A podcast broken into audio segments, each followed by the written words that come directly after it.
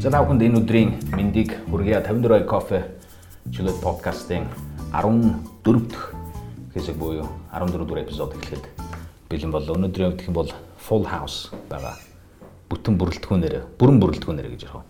Тий, хагас жилийн дараа сайхан байна. 100% эрттэй. Тэгэж гоё ярил та. Подкастын сүхтэй ярьлээ. Тий. Бол заахан Токиогоос хурж ирсэн. Аа Мега. Би хөдөөнөөс хаанаас чимдээ нэг хөдөөнөөс л ирсэн юм шиг байгаа юм. Сайхан амарч байгаад ирлээ. Тэгээ хүн ч асуугаагүй шүү дээ. Шууд тайлгаа тавиад. Л Монгол хүн байна да тийч бас. Дарагт аялын талаар, амралтын талаар яриулна. Аа төрөө бас хурж ирсэн байгаа. 40 мянгатаас. За ингээд өнөөдрийн подкастыг бүрэн бүрэлдэхүүнээр хийж байгаа тун таатай байна. Тэгээд ямар ч байсан гол сэдвүүдийг эхлээд танилцуулъя дараа нь ирсэн комментуудыг бас танилцуулъя гэж бодож байна. Мигаг аяг хүмүүс болсон байлээ тэгэхээр зүгээр бити санаагаар унаар. Өнөөдрөөс рейтинг өсгөнө хуцаа. 14 дугаар хэсгийн хувьд дугаарын хувьд гэх юм бол улс төрийн намуудын талаар хүндий гэж шийдсэн байгаа. Гол нэг жин гэхээр монголчууд ер нь яагаад намчрахдгийг хөрш айлууд хоорондоо ягаад намчрахдаг нэг гэр бүлийн хоёр хоорондоо ягаад намчрахдаг ер нь ягаад ийм намчрахдаг өвчтэй болчихсон а намуудын хувьд юг ойлгох ёстой? Үзэл баримтлал болон бусад талаар гэдэг сэдвийг сонгосон байгаа. А тэгээд мөн энэ 7 хоногийн үйл явдал болон тоймын талаар маш богино хугацаанд бас эдийн засагтай холбоотой шинэ апдейтуудыг тэгээд 7 хоногийн онцлог код 7 хоногийн онцлог өнгөх мэтлэг ийм сэдвүүдээр яриад маш богино хугацаанд дуусах болно. За тэг ямар ч байсан өнөөдөр энэ өдрийн мэндийг хүргье. Мега. За 7 хоногийн тайм бэлдээ. 7 хоногийн тайм биш гэдэг хаагуур амарсан гэж байсан.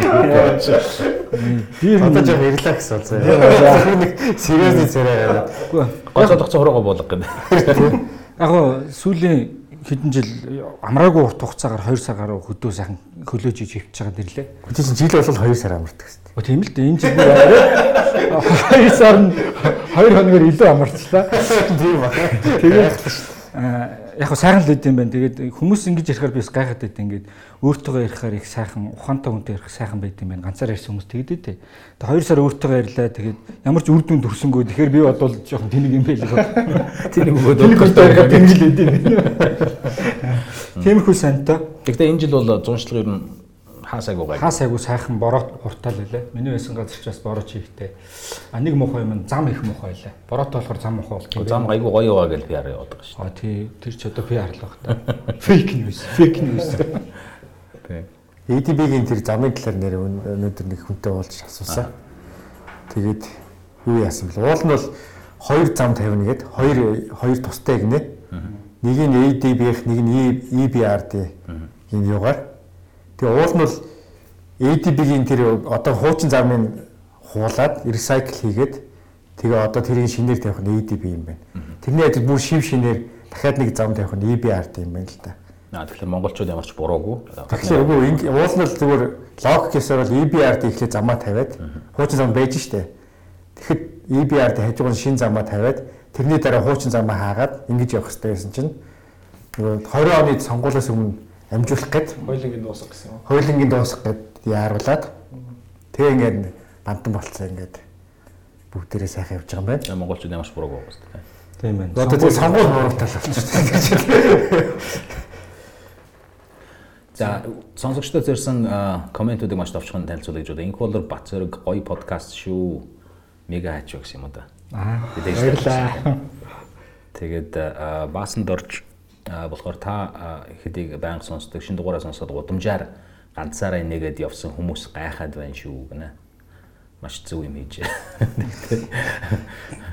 Аа Daisy амжилт байнга сонсдог шүү.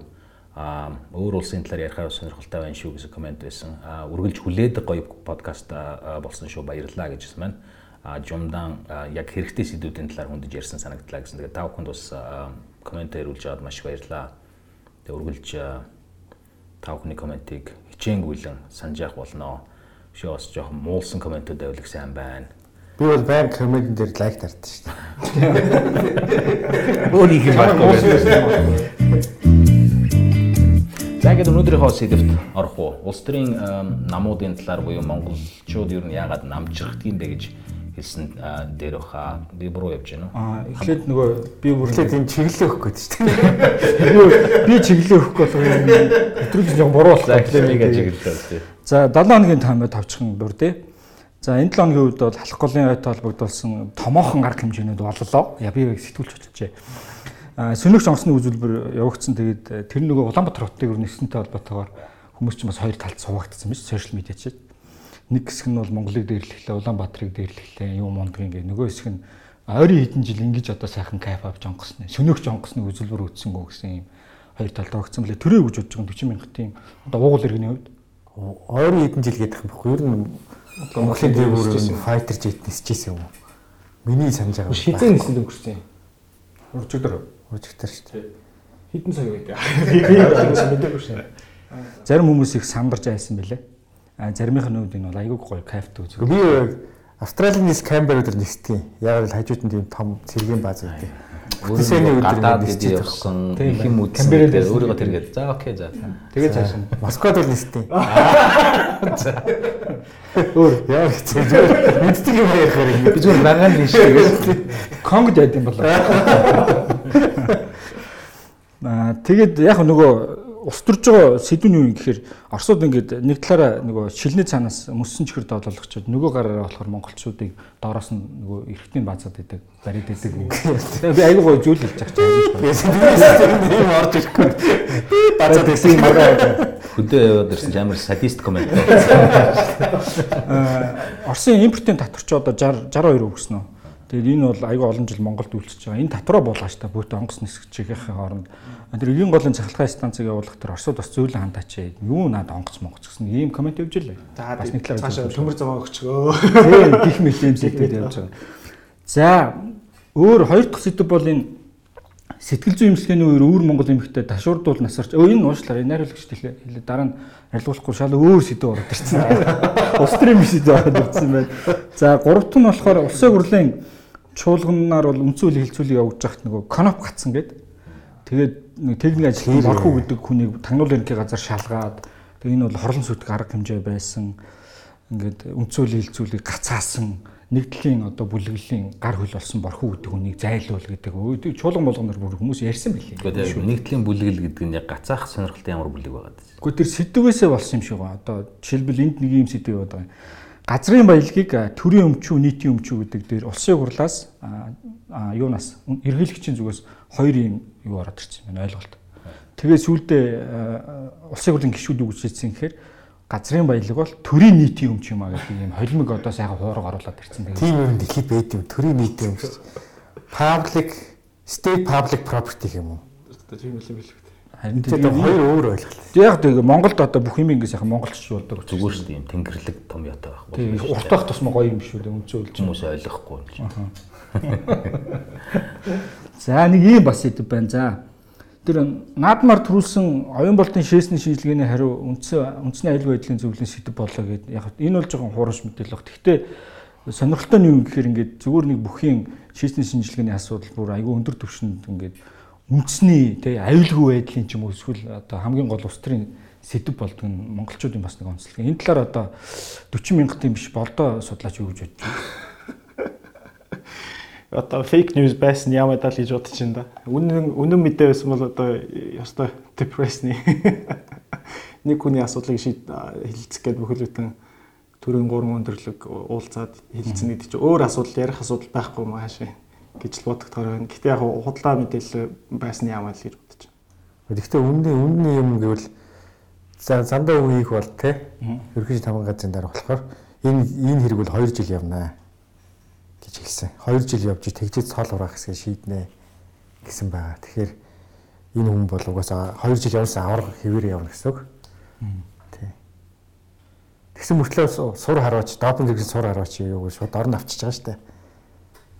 Сур харахад бас юу яд юм бэ? Тийм байл, тийм байлээ. Допинг хэрэгсэн баригдаа тэгээд шууд юуг нь авсан байлээ. Цолыг хураасан. Тэр чи яа нүдний допинг гэдэг юм яа. Ийм их бата гар мар Хорооны допинг юм байна.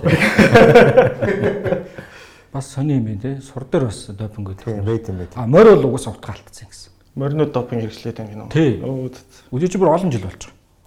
Одоо энэ төрүүлсэн бөхчөө өөрөө бүр морины допинг хэрэгэлсэн гэдэг байна. Аа Зээс допингоос хурдан өгөөдсөн тийм. Завчаас мангар хурдтай энэ чинь бас нэг допингийн Монголын допингийн түүхэнд бас шинэ юу юм хууцыг нээж байгаа юм л та. Малын допинг одоо бүх хэрэглээд бас тий төрүүлсэн бас том амжилт юм шиг байгаа юм тий. Мань мэдт нэг хураг ашигтны допинг л харахтай бодлоо. За өөр чин үнцөлийн хилцүүлэг эд өрнж байгаа. Тэгээд гişүүдийн тоог нэмэх тал дээр намууд хоёр хуваагдсан байгаа. Ардын нам болохоор 99 гişүүнтэй болъё гэж байгаа. Арслан нам 108 гişүүнтэй болъё гэдэг санал оруулж ирж байгаа. Арслан нам яагаад болохоор ерөнхийлөгчийн санал болгосон тоо байсан. Аа тий. Арслан нам яагаад 108-ыг дэмжиж байгаа гэсэн чинь энэ их үнэлэлтэй юм а. Яагаад гэвэл ерөнхийлөгчийн оруулж ирсэн санал учраас гэж байгаа. Ерөнхийлөгчийн зүгээс оруулж ирж байгаа саналыг улсын хурлын тамгын газрын дарга юу гэж тайлбарласан гэхээр энэ бол тусгаар тогтнолоо сэргийн манд усны 108 жилийн ойтой давхцаж байгаа учраас гэдэг ийм үндэслэлийг арчилсан барьсан юм шиг байна тийм. Зөв шүү дээ. Тэгэхээр ч дараа жил 109 жилээр бас дахиад нэг гişин байна. Наадтай ч бол би гэхдээ яг яг юу болохыг нь мэдээл яа л да. Тэгээд чүсгэлээр за арчилсан нам 108 гээд ардын нам нь 99 гэсэн юм байна шүү дээ. Тэгэхээр дундаа 104 дээр л тогтох шиг байна тийм үү? Дахиад дундчлаа л тий. Тий. Тэмдээ тэгээ монголчууд яг ийм байдлаар гол шийдэж явдаг нь бас монголчуудын давуу тал юм да. Зөвшөлтөд ямагт хүрдэг. Тэмээ 40 мянгатын төрөө. Тий. Аха. За нэг юм их байна товчондоо. Товчондоо гэж хэдэн минут. Ямар их ярьж. За ингээд өнөөдрийн подкаст үгээр хөндөж гэж л явах юм шиг байна л та. За ингээд ямар ч байсан том хүргсэн баярлалаа. Гэхдээ дуудлага чинь жоохон хөдөөний дуудлага орсон байна уу? Аялга орсон байна. Аялга орсон байна. Би хараа алах аялгатай болохын тулд өдөр болгон бэлтгэл хийсэн байгаа шүү дээ. Чул зүү ороод эсвэл Ерва мэрва гэх. Уул нот Ерва. Юм бол Ервата тэгээ. Та нар тэгтээ Яг үнэтэй бол гэхдээ Ерватаг юм байлээ тэгээд. өнөөдөр сэдв айгуугаа Ерватахгүй л явах хэрэгтэй.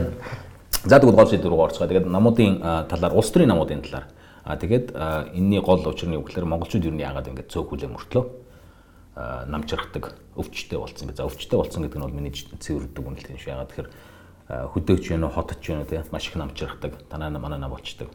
Тэгээд би энийгээ бараг үгүйсгэлийн төвшөнд очиод байдаг. А тэрнээс өмнө зүгээр сонгогчдын хувьд, сонгогчдын үүднээс эсвэл сонсогчдын хувьд хамгийн сонирхолтой асуулт. Ерөнхийдөө Монголд байдаг улс төрийн намууд чинь ямар хөө үзэл баримталтай юм? Юуны төлөө зогсдог юм?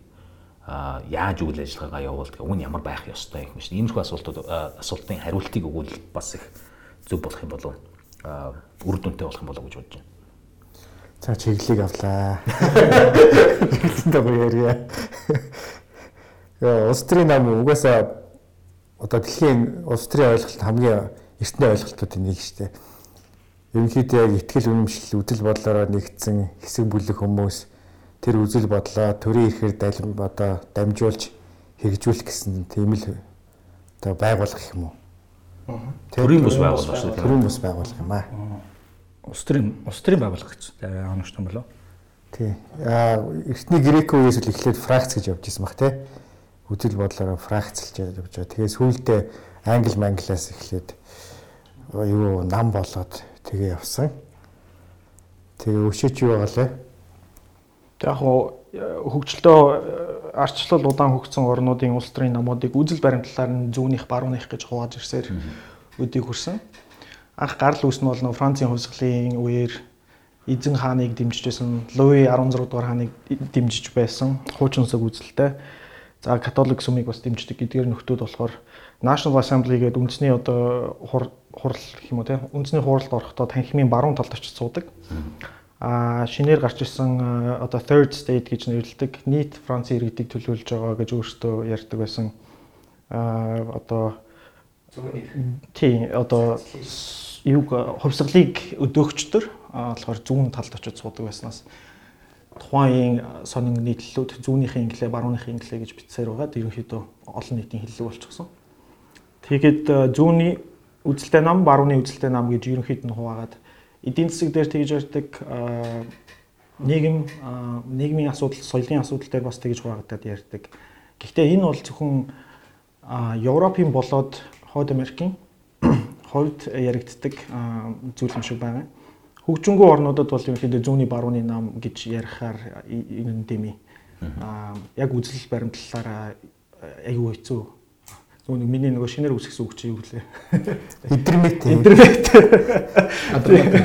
Адармата гэдэг их гэж адармата гэсэн тийм. Эдритэ адармата гэдэг хоёр үгнээс энэ хүн юу интернет гэдэг үг тийм. Тэг яг хөгжингөө орнуудад болохоор аа янз янз байдаг. Зарим улсад бол зөвхөн шашны одоо үзэл баримтал дээр суурилсан нам байна. Зөвхөн шашнада тухайн шашинд нэтгэдэг хүмүүс намын гишүүд болоод тухайн намыг дэмжиж явдаг.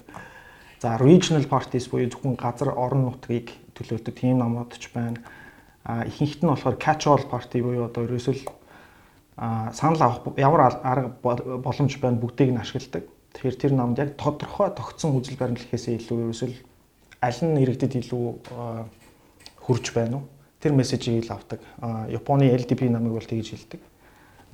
Catch all party. Тэгэхээр зүүнний ч үзэлтэй, барууны ч үзэлтэй, төвийн ч үзэлтэй тийм тийм намууд бас байна. А дээрэс нь ямар ч үзэл баримтлалгүй намууд байна. За тэрэн дээр бол би Монголын намуудыг хувьдаа бол тэгж тэгж боддог. Тэгээд чиглэл авчээ. Аа. Тэгээд яг уу энэ дээр бол санал асуулгаар одоо ингээд судалгаа хийхээр а хамгийн сүүлд хийсэн судалгаагаар жишээлбэл Азийн сангаас хийсэн судалгаанд 77% нь одоо тухайн улс төрийн намуудаас ямар ч ялгааг нь мэдэхгүй эсвэл ялгаа байсан ч тэр ялгааг нь нэрлж чадахгүй гэсэн хүмүүс байсан байна. Судалгаанд оролцсон хүмүүс. Тэгэхээр нийт иргэдийн маань дийлэнх нь хоёр намыг ялгаж чадахгүй байна л гэсэн үг.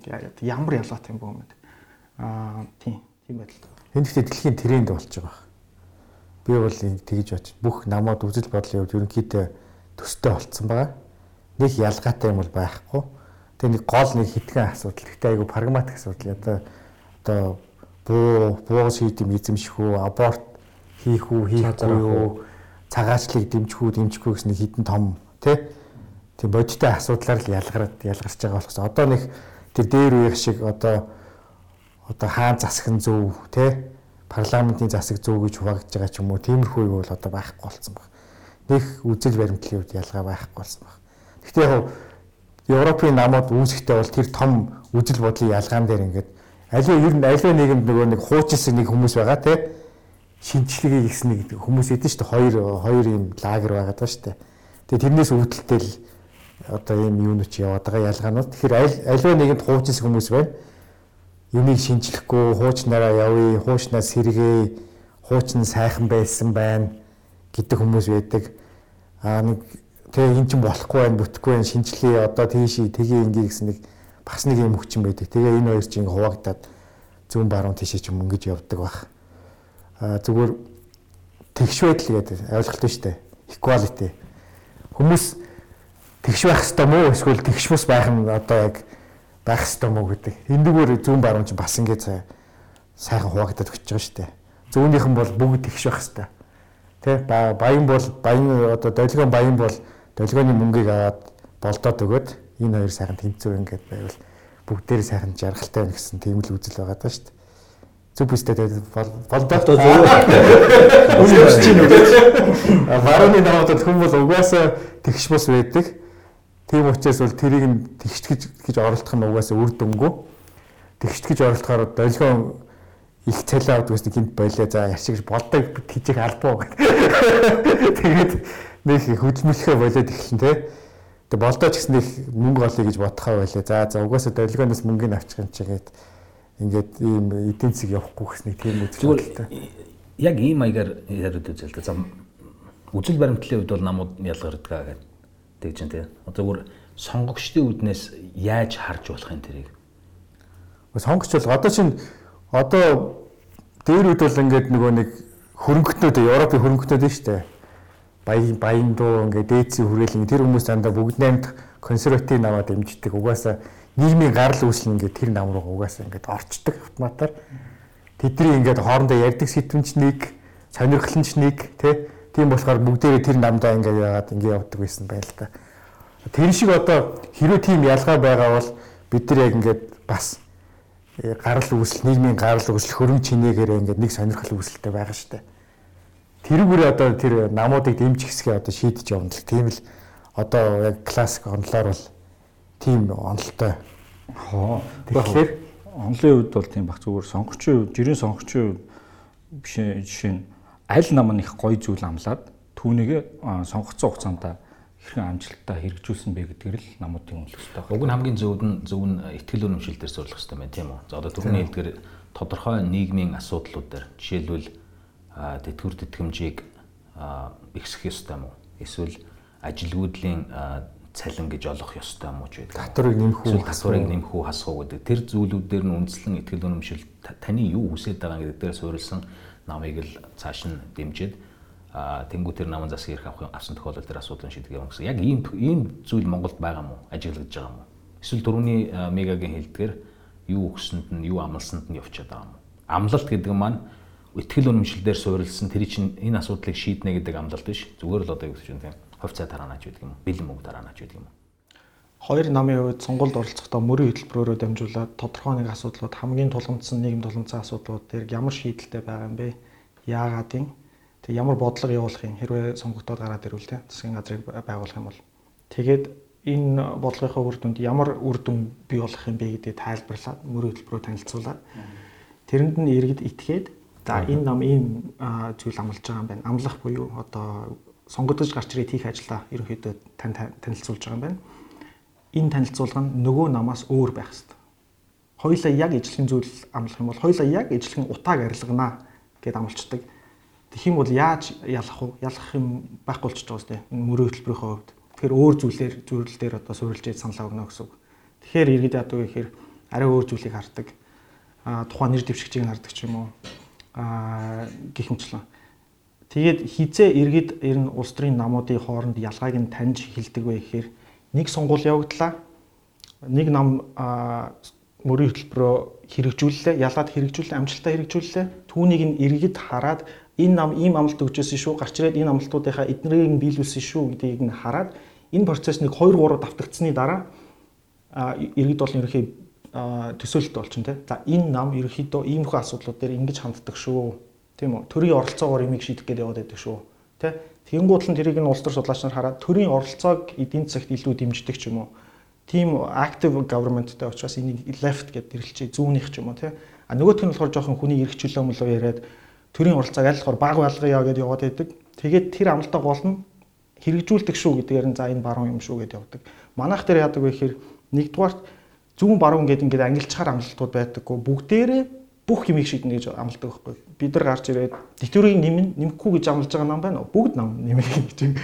Бүгдээрээ цалин нэмэн, бүгдээрээ утааг байхгүй болгоно, бүгдээрээ сайн сайхан бүх юмыг амлцдаг. Тэгээд дүнгуут сонгогч дээр очиход нэгт ялгаа авахгүй хоёрт угаасаа бүгдээр ингэ амлаж байгаа юм чинь дээрэс нь яаж амлалтаа биелүүлэхээ тайлагнаг учраас итгэдэггүй. Тэр мөрөө хөтөлбөрийг уншдаг хүнж байдаггүй ба. Аа тэр арай л өөр зүйлээр одоо саналаа өгөндөө. Яаж өгөх үү гэхээр. Тий, одоо шин ер нь бол 92 он 96 оноос анхны арслан сонгуулиас хойш л намуудад санал өгөх юу чинь савлж ирж байгаа шүү дээ. А тэгэхээр тэрний өтгөл өмчлөн сонгогчдын үед юу гадаг аюу амрах шүү дээ. Зүгээр л өмнөх э, нам нь юм хийж чадаагүй учраас нөгөө намтанд саналаа өгдөг. Тийм тийм. Тэрнээс нэг тийм амар үнэлэмжээр за одоо л эднэр юм а эднэр үнэхээр юм хийсэн шүү гэдэг тийм биш. Зүгээр л э, энэ намыг ялуулахгүй тулд нөгөө нам аллергит саналаа өгөх байдлаар явж байгаа байхгүй. А дээр нь одоо ч намын рейтинг бол хоёр гол намын рейтинг чинь нээлээд нээлээд 20 болж байгаа. За тэгээ сонгуул 30 максимум 30 орчим л байгаа. 40 руу гол хүрнэлтэй. А тэгэхээр өөрөө угаасаа нам гэдэг институцийн нь нэр хүнд аюул онцсон. А дээр нь зүгээр монголчуудын сайн хэлээд байгаа болтоо судлаач хэлээд байгаа дээр а зүүн тийшээ хэлбийсэн амлалтыг амлалтуудад ягаад бүгдээр өгдөг өгдөг тий. Мега хурууга жичлэл эхлэхлээр асуудал ер сериосны талбар. Уус та нар ингээ инехгүй болохоор би бас энэ сериосны сэдвээр хэлж байгаа тийм үү? Сармагчин байгаа шүү дээ. Нэг юм сонин тохиолдол үү. Тэрний өгөхлөөр одоо шил Англид байдаг баг. Англи биш, Уэльсд байдаг байхгүй юу? Чи тэнд байсан уу? Тэрийг гол нэг хэлээ. За энэ болчиход үү. За яриулал. Monster Raving Looney Party гэдэг. Монголоор бол мангасанд дур дур мангасанд дуртай солиотнуудын нам гэж. Тэд нар болохоор үнэхээр яадаг уу гэхээр айгу сонь сонь юмнууд байхгүй. Жишээлбэл Уэлсийн төрийн ордонд сонгон хэрэглүүлэхийг хориглоно ч гэдэг юм уу те.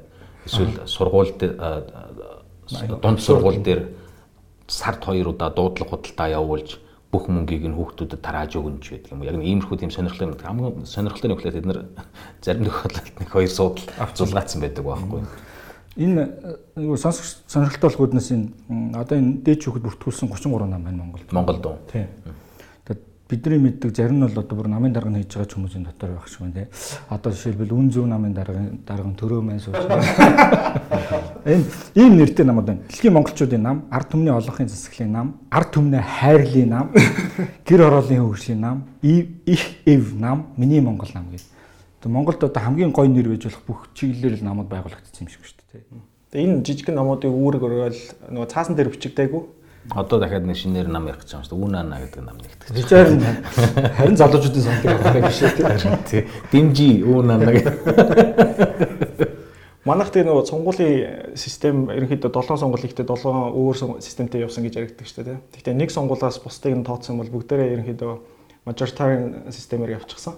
Majoritarian систем бол ерөнхийдөө хоёр намыг бий болгодог, хоёр том намыг бий болгодог. Нэг жижигхэн тойрог дээр нэг л хүн ялдаг учраас жижигхэн намуудад дээр боломж олддоггүй гэж үздэг л дээ. Тэгэд ийм нөхцөлд угаасаа улс төрийн нам байгуулад явж байгаа хүмүүс мэдж байгаа шүү дээ. Энэ чинь мэдгүй юм биш ойлгомжтой. Тэгэхээр тэр намууд цаасан дээр одоо сайхан үр айвг зорилгоо бичдэг байх. Цаасан дээр бичигдэг нөгөө нэг далд зорилго байгаа шүү дээ. Тэрийг нь юу гэж тайлбарлаж байна гэхээр ихэнхдээ энэ намууд бол сонгуульд оролцоод байх байгуулах гэж оролцдоггүй угаасаа ялагдах мэдж байгаа. Гэхдээ бусад нөгөө хоёр том намаасаа сонгуулийн үеэр шантаажлна гэх юм уу одоо тэр хоёр намаас одоо мөнгө төгрөг авдаг. Хилцэлд орж дэмжлэг орж тийм дэмжлэг авч одоо бид нар танаа намын нэр дэвшигчийг дэмжиж ажиллая энэ сонгуул дээр тий гэдэг ч юм ийм ийм байдлаар явдаг гэж а нилээ хэдэн хүмүүсээ сонсч байсан юм байна. Мегагаас. Мегагаас сонссон юм байна. Өөрөөсөө сонссон юм байна. Нэрээ Энэ ч вантай нууцсан экстрэмтэй хэлж байгаагаар гэдэг шиг. Гэхдээ ингээд төрүүний нэг асуудал байгаа байхгүй. Монголчууд үнэхээр намжирхаад байна уу гэхээр бас ямар улстай харьцуулахаас шалтгаалаад байна тийм. Америкт бол жишээлбэл үнэхээр намжирх намжирх гэх юм уу тийм polarization буюу хоёр туйлд хуваагдчихсан. Хоорондоо бүр одоо 5 минут сайхан юм ярих боломжгүй. Аа тэгээд бүр судалгаанууд явагдсан шүү дээ. Эмэгтэй эрэгтэй хүмүүс одоо хоорондоо юу гэр бүл болох ч юм уу та ямар хүнтэй гэр бүл болохыг хүсдэг вэ гэдээ санал асуулга явуулсан чинь ерөнхийдөө одоо арчлан намын гишүүн эмэгтэй хүн байх юм бол бүгд найрамдах намын гишүүн эрэгтэй хүнтэй хизээч суухгүй гэсэн тийм тийм ийм дээрээ тулчаад байгаа.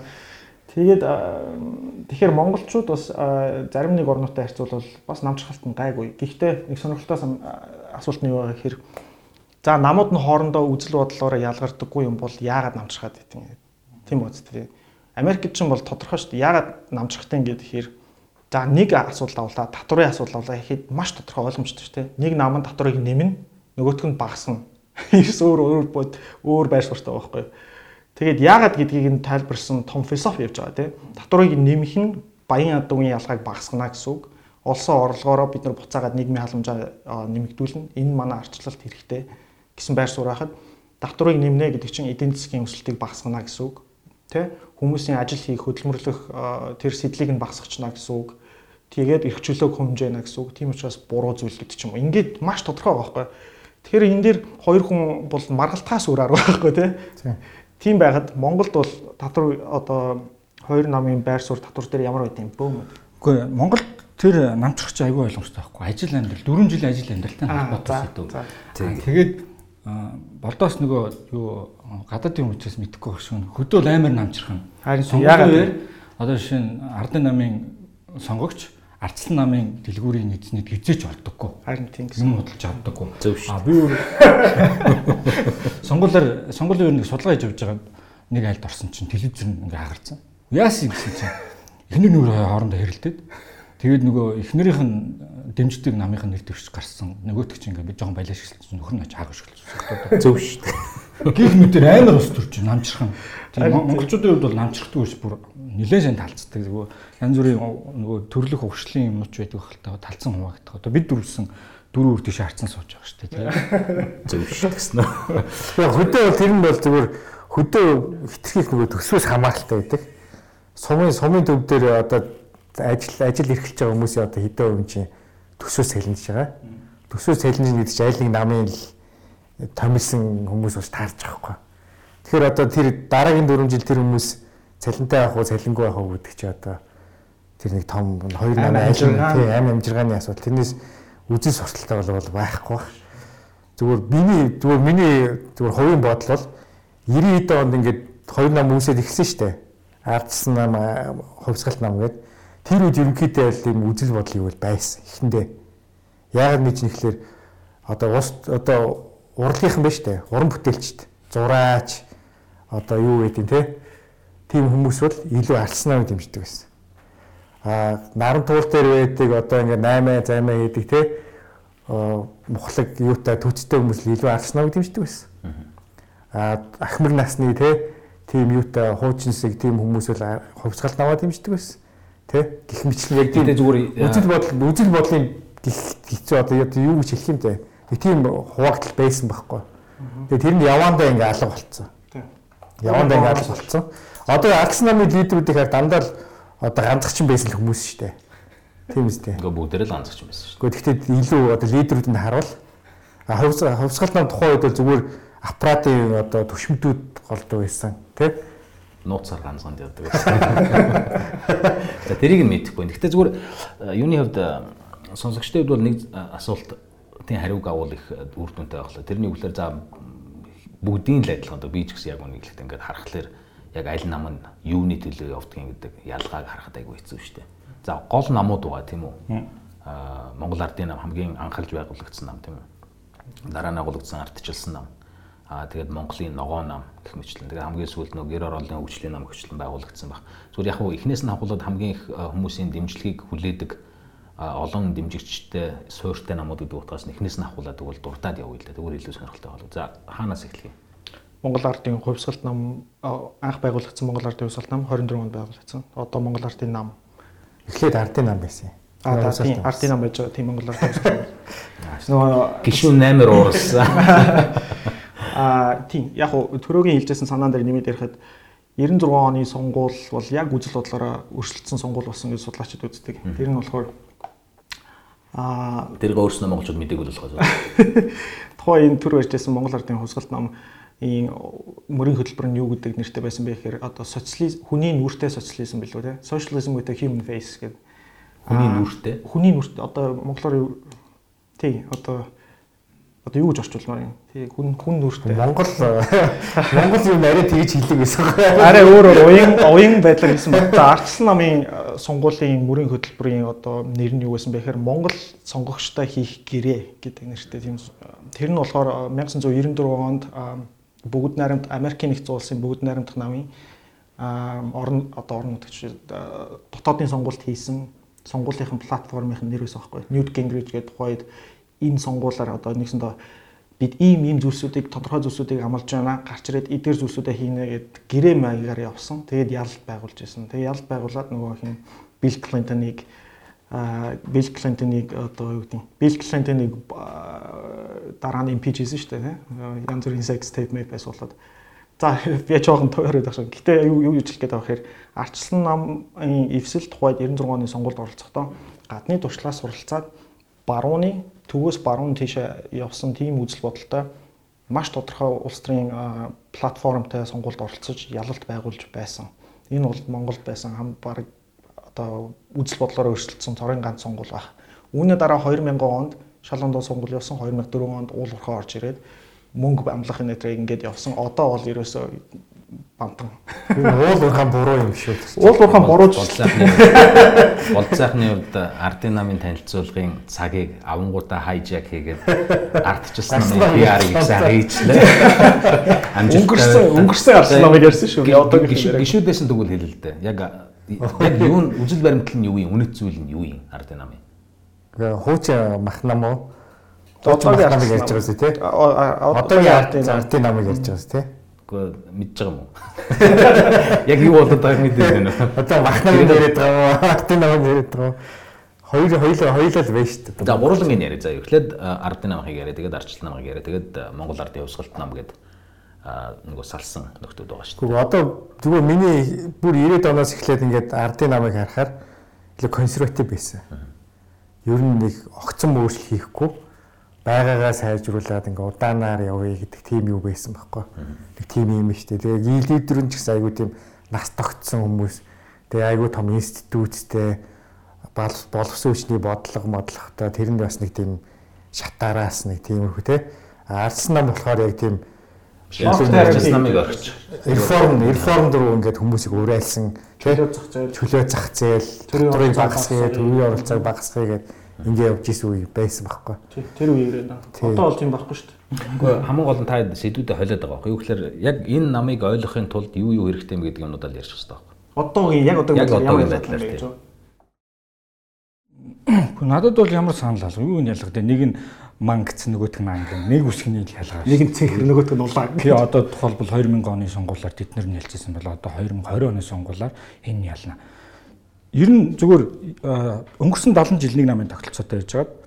А 90 оноос хойш бол бараг л хоёр намын тогтолцоотой л. Энэ хоёр нам л явж байгаа. Гурав дахь намууд гэдээ өөрөө чи хэлж байгаа. Тэр намууд бол одоо дөрөв болдоо хэлж ийл надаас их сурж болохс үгүй.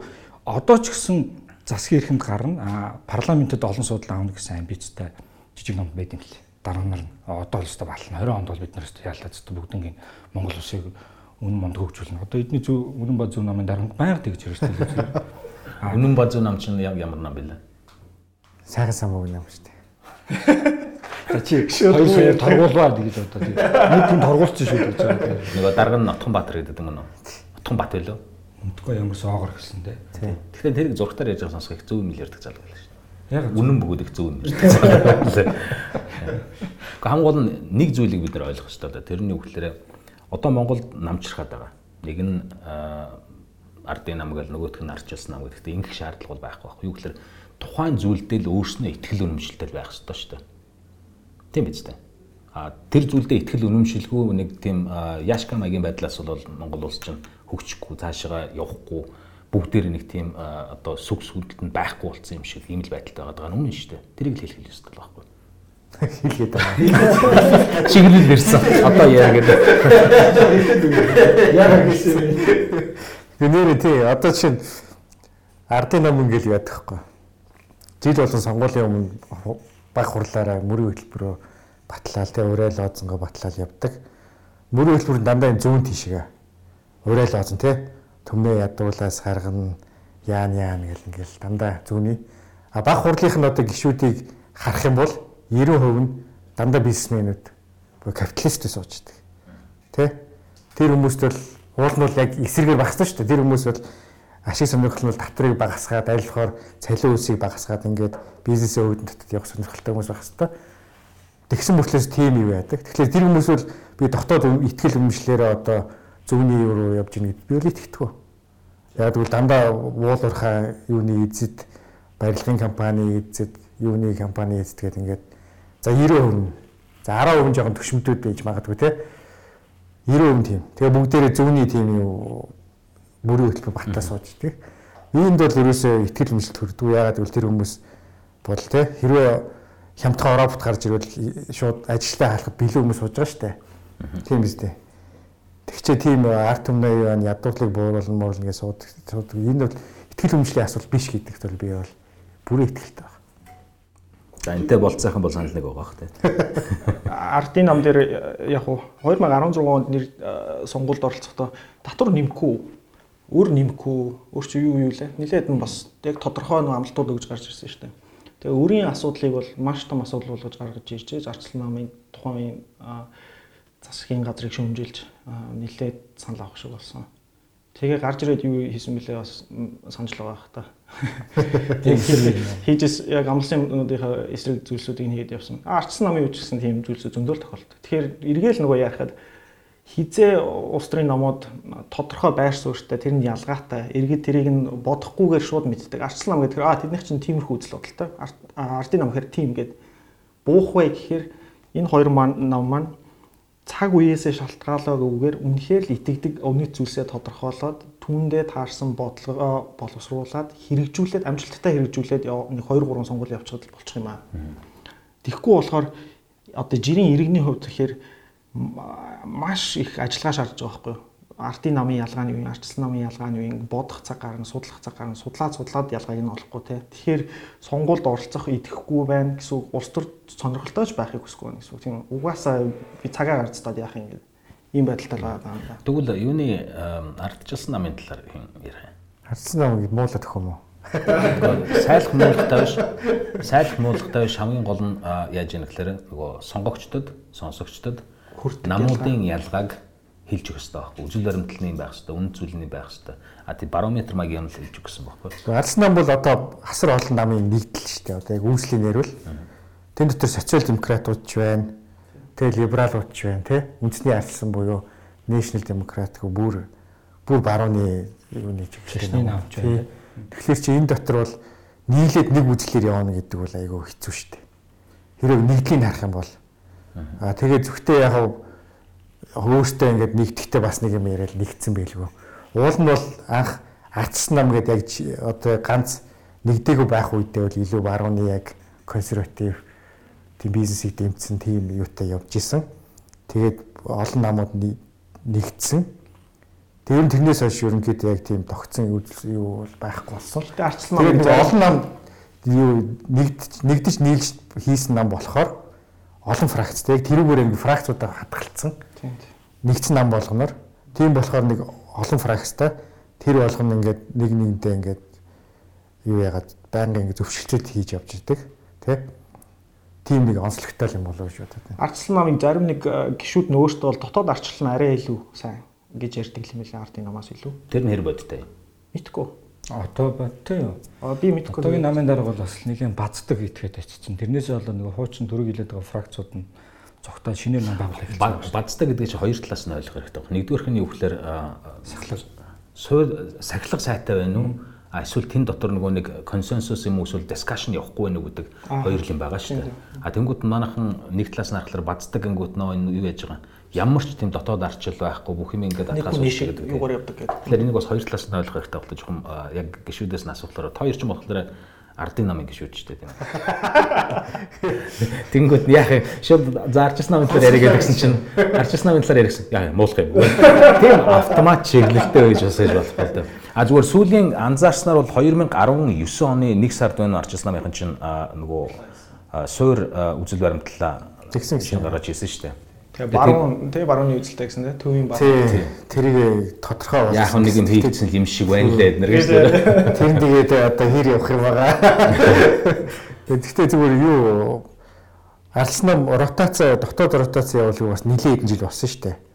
Тэг бүр хэрүүл уруул болж зарим нүсгэлэн зовлонтой хурчиж ротац хийсэн. Арай жоохон шинэ үеийн гарч ирсэн. А тэрнтэй харьцуулахад бол ардын нам нь бол илүү нөгөө байнгын нөгөө нэг хурлаа цагтаа хийгээд баг хурлынхаа юу ингээд худлаа намын дараа солиод тий худлаа өмнө ч гэсэн тэгээд идэг нэг тийм уламжлалын явж штэ. Тэгээ хоёр намын хоорондын нэг байгуулын калчер гэж соёл бас ялгаатай байт. Арс намынх нөгөө нэг хоорондоо зодтолтол хэрэлдээл нэг нэг хараагаал тэгээд нэг тэр нэг цаа тий. Тэгээд нэг ингэж явдаг нэг тийм сайхан байгууллагын соёлтой. Нөгөө нам нь бол ингээ хайрцаглагдаа тий юу болж байгааг мэдчихдэггүй. Гэхдээ гинт яс гэл гараа өргөөл шийдвэр гаргаад ингээл явж идэг тий. Тийм байсан чинь өнгөрсөн 18 оны 11 сарын нөгөө жидүүгээс болоод хаг усарсан шүү дээ тий. Тэгэхээр баг ялгаагүй болсон гэж хэлж болно. Миний зүгээр хувийн бодол шүү. Энэ дээр Монголын хоёр улс төрийн том нам маань хоёулаа нөгөө хүмүүсийн тодорхой нэг удирдагч нарын харизма тэгээ тэр хүмүүсийн personality дээр суурилж айгүйх амжилт болдог. Би явсаар ирсэн. Хувь хүний юу гэнэ? Хувь хүний одоо тухайн хүний харизма гэж байна шүү дээ. Хэр одоо юу харизмаг юу гэж бусдыг татах байдал. Бусдыг татах байдал тийм. Тэгээ зан чанар тий. Зан чанарын онцлог одоо хэр сайн манлайлал. тий. Тийм тэр тал дээр нэгээс өөрийгөө төсөөлсөн. өөрийгөө төсөөлсөн шүү дээ би бүх сайн чанаруудаа хийсэн чинь тэгэхээр нэгсэндээ давуу тал нь юу юм бэ гэхээр маш амархан иргэдээс дэмжлэг авдаг гэсэн үг тийм заавал ингээд ядаргаатай маш хэцүү бодлого бол үзэл бодлого бодлого ингээд хүнийг educate болох гол хүнийг ингээд боловсралтай болох гол улс төрийн боловсрал өгчиж дараа нь тэр хүмүүс ойлгож шүү дээ. Тэгэхгүйгээр зүгээр л тухайн хүн надад итэг би арчсан намын дарга одоо өөрийнх нь хувь хүний түүх шүү дээ. Би одоо 90 онд ингээд жагсаад өлсөд явж исэн гэдэг ч юм уу тийм тэрүүгээрээ нөгөө credibility гэдэг зүйлийг олж аваад иргэдээс итгэлийг нь олоод тэгээд нэгсэндөө зөвхөн өөр дээр нь суурилсан тийм дагалдагч нарыг үүсгээд тэгээд явдаг. Тэгэхээр нэг бодлын бас айгүй амар тактик. Тэ нөгөө талаа муу тал нь юм бэ гэхээр тухайн хүн мэдээж хүн лимчин улс төрийн настай байна. насан дуусна, тухайн хүнд итгэвчтэй гарна. Эсвэл яд ямар нэг хэрэгтэй оролцоод байхгүй бол тэгэхээр нам нь яах вэ гэх тийм үү. Тэгээд ийм нэг одоо crisis гэх юм уу хямралд ордог. Арчлан намын хувьд бол миний ойлгож байгаагаар нэг иймэрхүү хямралд орчихсон юм болов. 90-ад оны үеийн нөгөө анхны аа саяхны хүртэл өдөрдөж усан том гар. Тэр нөгөө 90-ад оны лидерүүдийн инерц нь одоо дуусч байгаа. Дуусч байгаа. Тэгээ шинэ үе гараад ирчихсэн. Шинэ үе нь гарч ирдэггүй. Ингээд байгаль идэг. Ерөнхийдөө гэхдээ демографийн хувьд бол би ингэж ойлгосон шүү дээ. Ялсан гэсэн нэг нам байж хахад Монгол Ардын Явсгалт нам гэж байхад хоёр салсан шүү дээ. Тэнгүүт тэтгэврийн өгсчүүл нь Монгол Ардын Явсгалт намыг дагаж яваад арай нэг жоохон ахмад хичээл насных нь ардын намдаа үлдээд тэгээ залуучуудыг нь арчилсан нам дэмжиж байгаа гэж ойлгож болсон шүү дээ. Зөв ойлгосон байна уу? Зөв зөв сая чиглэлсэн зөв гэж хэлсэн. Зөвсөн чиглэлсэн. Сонгуулийн нөгөө нэг demographic data бидэрт байхгүй болохоор мэдэхгүй байна. Ерөнхийдөө зүгээр нөгөө aggregate level буюу том хэмжээнд дата харахаар альт сонгуульд Монгол Ардын нам арчилсан нам хоёр аль аль нь дор хаяад 30% санал авдаг. Тэгээд яг хөө заримдаа нэг нам нь 40 40 мөч рүү төхөд очичдаг. Гэхдээ уул нь бол нөгөө ялгаан санал авж байгаа ялгаа нэг 5-аас 10% л байдаг байхгүй юу? Хүсрээл Тэгэхдээ сунгуулийн одоо алдаатай ийм систем явуулдгаасаа болоод маш том савлгаатай явагддаг. А 10% ялгаатайгаар ялсан мөртлөө 90% ялгаатай суудл авдаг ч юм уу тийм. Ийм байдалтайгаар бид нар сонгуулаа явуулж эхэлсэн. Тэгээ миний бүр сайн мэдж байгаагаар хэм бол 16 оны сонгуул санал суудлын ялгаатай зөрүүтэй байгаа байдлаараа сүүлийн 1000 гаруй хийсэн сонгуульд 100 оронд болсон 1000 гаруй сонгуулаас одоо энэ ялгаатай байдлаараа тавт орж байгаа эхний тавт. Тийм том ялгаатай аа санал болсон. Юу санал суудлын хуваарлалт болсон байна. Тэр нь яг энгийн үгээр юу гэсэн үг? Сонгуулийн систем маш буруу яваад байна л гэсэн үг. Тэгэхээр уул зүгээр нэг ажигласан нарыг гэхээр хамгийн түрүүнд одоо сонгогчдын үед юм уу сонсогчдын үед ч юм уу эхлээд намуудыг сохроороо аялдан дагалдахаас илүүтэйгээр тэр намуудын яг үнэт зүйл нь юу юм? Юуны төлөө ихтгэл үнэмшилтэй ажилдгийг, юуг хамгаалдаг, юуг эсэргүүцдэг а би ямар хувийн бодолтой хүн юм тэрэнд нь аль нь нийцтэй байгаа гэж дэмжих юм бол арай илүү дээр байх л да. Тэгэхгүй болохоор юу гэдэг чинь тийм хүн хүмүүс айн нараа жоохон нүдэн дулаах юм чинь энийг л дэмжинтэйгээ явчихдаг. Тийм болохоор нөгөөх нь суур одоо ихтгэл үнэмшлийн биш болол явчихлаа байх л да. Би бол тэгж бодоод чухам нөгөө намууд нь ямархуу шинжил хийж явсныг бол мэдгүй. Гэхдээ хамгийн сүүлд тэр юуны 19 оны ихээр тэр ардчилсан намын үзүүл баримтал дээр надад зүгээр анзаарэгдсэн юм гэдэг юм бол үнэхээр ойлгомжтой бол айцсан юм бэл хүмүүст харахад. А тэрний үсэн үгээр үг хэл хэрэгчлээг хамгаална. Ямар нэгэн байдлаар одоо гэж поп маягаар хэлээд байх шаардлагагүй шүү дээ. А хувийн өмчийг хамгаална а ямар нэгэн байдлаар дарангууллын хэлбэрийг сонгохгүй гэх мэтчлэн. Тэгэхээр яг чухам тэрэндээ дүүцэж ажиллаж гэнэ гэдэг нь л их сонирхолтой асуудал байна л да тийм үү. Тэгэхээр сонсогч тийм ялгааг харахыг хүсэж гэнэ үгүй юу? Сонгогч тэр ялгаа нь чухал санагдж гэнэ үгүй юу? Наад чинь том асуудал тийм. Тэгээ тэр чинь айгүй том асуудал. Тэгээд намууд бол нөгөө нэг одоо бизнесмэнэр бол одоо бараагаа зарах гэж оролдож байгаа л юу шүү дээ. Маркетерүүд гэх юм бат тий. Тэгж бодох юм бол ямар бараа зах зээл дээр зарагдж гин гэдэг эргэлтээ ингээ харна шүү дээ. Тэгэхээр үнэхээр үжис баримтал зарагдж гин үү? Попрал зарагдж гин үү? Тэ? Зүгээр харизма зарагдж гин үү? Бас дээрээс нөө одоо хувийн халамжлал зарагдж байна уу гэдэг нэг одоо clientelism ярьдаг шүү дээ. Тэр зарагдж байна уу? Монголд яг өнөөдөр хамгийн нөлөөтэй байгаа юм яг юу юм бэ? Яг түрүүний дөрөгийн хэлээд дуртаад байсан зүйлүүдээс. Бид нар ч хийсэн судалгаа байхгүй шүү дээ. Зүгээр бодлоо л ярина. Тэгээ бодлоо ярих юм бол би жишээлбэл Хувийн ажиглалт гэсэн үг. Хувийн ажиглалт. Миний ажиглалтаар бол э, за баримжаалвал нэг 10 хүний дөрөв нь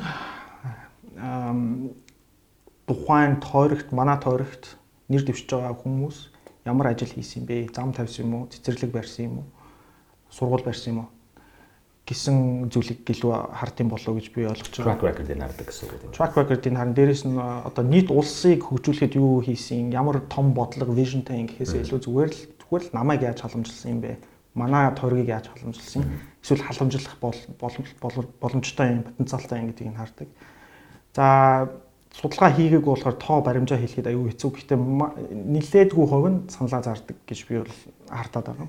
Зарна гэдэг нь мөнгө төгрөг бэлэг сэлт гурил будаа ямар нэг Албан тушаал, албан тушаал энэ маш чухал. Албан тушаал, за албан тушаалыг бодохгүйгээр ярихад тийм өнөө маргаашийн хэрэгцээгээ хангах хэмжээний зүйлсийг нь өгөөл саналыг нь авдаг.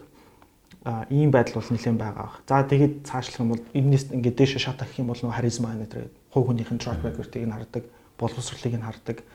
А манай нутгийн хүн юм уу биш юм уу тий гих мэтлэн ийм одоо тухайн хувь хүний л асуудлуудыг хардаг. За тэгээд нэг цөөхөн өдөө өмнө намын мөрийн хөтөлбөр юм уу иймэрхүү зүйлсүүдийг хардаг баг.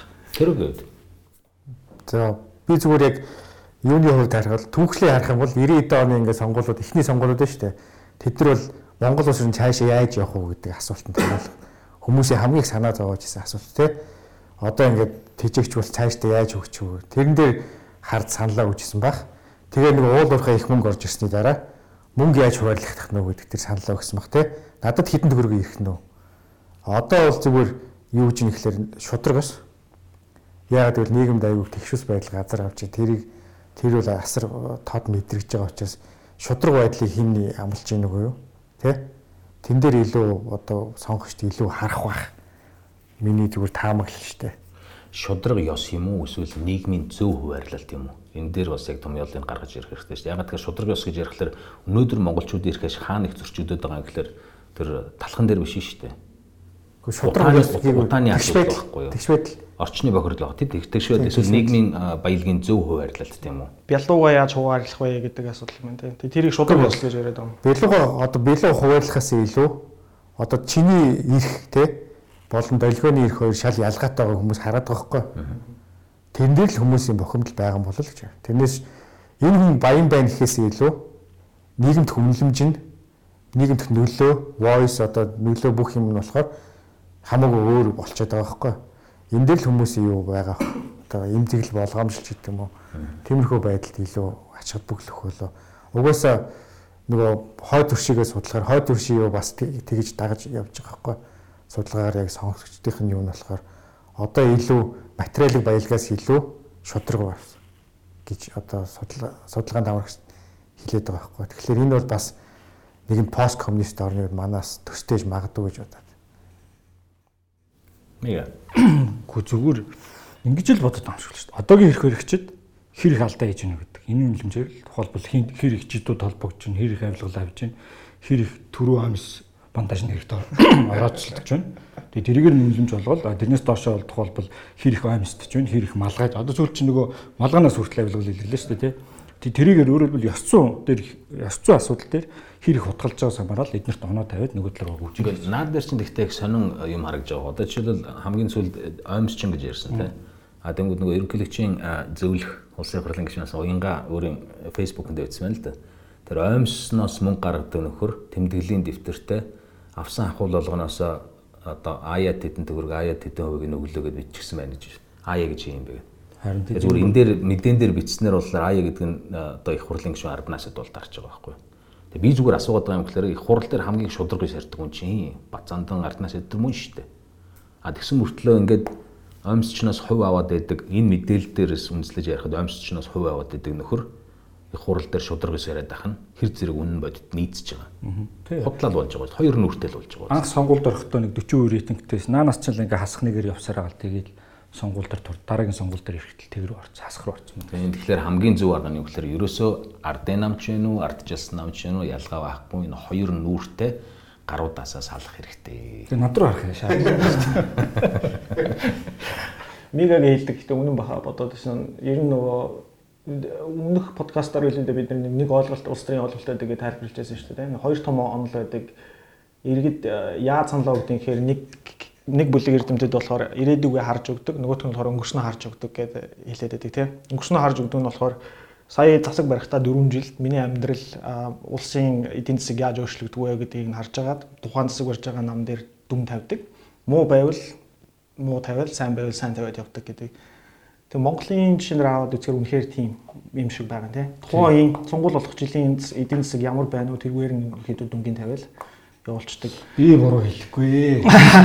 Тэгээ ардчлан намынхны хувьд бол заримдаа тийм тайлбар хүртэл явж байдаг шүү дээ. Бид нэр эдийн засгийг муу өдөрцөндөө биш ээ. Зүгээр л түүхэн идэв үн дандаа бид нэр ихийг сонголгоо хийх үеэр унцсан байдаг. Бид нар зүгээр л азгүй байхгүй юу гэж бүр тийм яриад явж ирсэн дээ. Тэрэнд нь ч бас яг үнний ор байгаа л та тийм. За зарлаа үед өөр өөр дэмжих юм алгаа.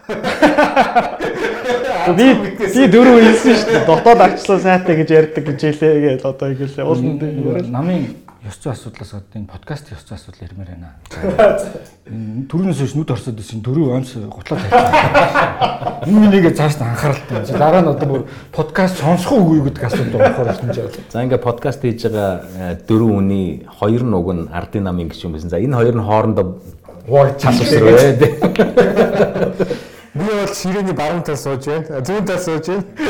Би бол одоо Монголын жинхэнэ ардын нам гэдгийг байгуулахаа шийдлээ. Тийм тэгвэл түрүүн хэлээд байдаг тэр зөв ба үнэн ба зөв нам билүү. Тэр нэр үнэхээр зурагтаар ярьж байхын сонсон бас суйртай итгэл хамгийн гол нь итгэл үнэмшилтэй ярьж. Сайхан сан байхаас хэдэг асан бэ? Тэр хэлж. Тэгээ би тэр мэдэхгүй шүү дээ. Тэрний рейтинг чинь бүр 3 дэвжилээ шүү дээ. Хоёр гол намын дараа. Үу тийм үү? Тий. Ямар судалгаар тийм. Би зүгээр тэр хүний юу боддог хаанаас санхүүз яасан гэдгийг нь мэдэх юм алал. Зүгээр зурагтаар ярьж байгаа минь харахад бол үнэхээр өөрийнхөө ярьж байгаа юм итгэл үнэмшилтэй ярьж л. Энэ бол хангалттай. Ингээд энэ нэвтрүүлгээ төгсгөө чинд их сайхан дуусч байна. За энэ 7 хоногийн гол үйл явдал юу болж өрнж байна? Мэдээж үнцүүл ярьсан биз дээ. байна. Эн чин тайм байхгүй. А тайм юм уу? Онцлог гэж шүү дээ одоо. Энэ хоёр бүр нь хоорондоо муудалцаад бүр юу алах. Тэр нэг үгсэн. Үнцүүл хилцүүл юм те. Үнцүүлийн хилцүүлэг сая хилцүүлэг тэгээд Анхаарал татсан хэвээрээ байна. хэврээ байна. Дээр нь бас нэг асуудал нөгөө энэ дахиад батлагдах уугүй юу гэдэг рүү гацаад эхэлсэн байлаа. Нөгөө эрхээрс нам чи хоёр хууч хуваа гэдэг 33 Одоо тоор тоор хуваагдж байгаа юм чинь тэгээд тэр нам бол бүр ойлгомжтой юм шиг. Харин тий. Одоо ерөнхийдөө хоёр дахь хилцүүлэг гэдээ яваад байгаа тийм. Эхний хилцүүлэг дээр бол бид нэр ерөнхий э, таамаглалтай байсан шүү дээ. Ерөнхийлөгчийн зүгээс улсын их хурлын гишүүрийн зүгээс ийм юм төсөл явуулж байгаа гэдээ бид тайлбарлажсэн тийм. Одоо бол үнэхээр юу болоод байгааг бид мэдэхгүй. Одоо тэр хоёр чинь нэгдсэн. Хаагдмал явагдаж байгаа. нэг төсөл болцсон. Тийм биз дээ, тий? Ерөнхийлөгчийн санал, ардын намын санал хоёр нэгдээ нэг төсөл болцсон явж байгаа. Дөнгөж өнөөдөр нөгөө юу зэн их болтугай лайв хийжсэн тэрэн дээр ерөнхийлөгчийн санал маш олон санал оруулснаас баг нөгөө 108 гэдгийг тэмцсэн 5 жил гэдгийг тэмцсэн бусдын бүгдийг хассан байна гэсэн утгатай лайв яваад байсан да. Одоо хамгийн сүүлийн мэдээлэлээр бол тийм байна. Тэр бол тэр одоо ардын намын асуудал шүү дээ. Одоо 65 судалтай нам батлыг үл батлна. Батлахгүйг батлахгүй. Одоо энд бол ерөнхийлөгчийн юу бол одоо нэмэр байхгүй. Ерөнхийлөгчийг дэмжиж гэвэл нам дэмжинэ гэвэл дэмжих байх. би зүгээр сонирхолтой асуулт асууя л да. За яг хуу үнэхээр бас хариуцлагатай үед ирэх барьж байгаа нам гэдэг үднээс одоо ардын нам гэдэг байна. А тоор гişүүн гэж сууж байна. Яг энэ үндсэн хуулийн нэмэлт өөрчлөлт төр чиглэл тоор процесс нь орсон эсвэл өөрсдөө саналыг оруулсан юм байгаа юу? Баггүй яа. Би юун дээр бичсэн шүү дээ. Парламент хэмээнээр санал өгсөн. Аа тэгээд тэр нэг үндсэн хуулийн өөрчлөлтийн хуульчдын нэг юу гар үсэг авах юу вэ шүү дээ. Онлайнаар л да. Тэрэнд бол яасан гар үсэг өгсөн. Нийтл бичиж хэвлүүлээ. Яг өөрөө төвшин жажмаар байгаа юм байна. Тийм бас Би ч Чадлаараа хийгээд попорч болдгоосээ дөө одоо парламентын тогтолцоогоо л дэмжиж гэдэг дээр өөр нэвтрүүлэг хийсэн шүү дээ. YouTube дээр байгаа. Сурчлаа, ой сурчлаа явуулчлаа.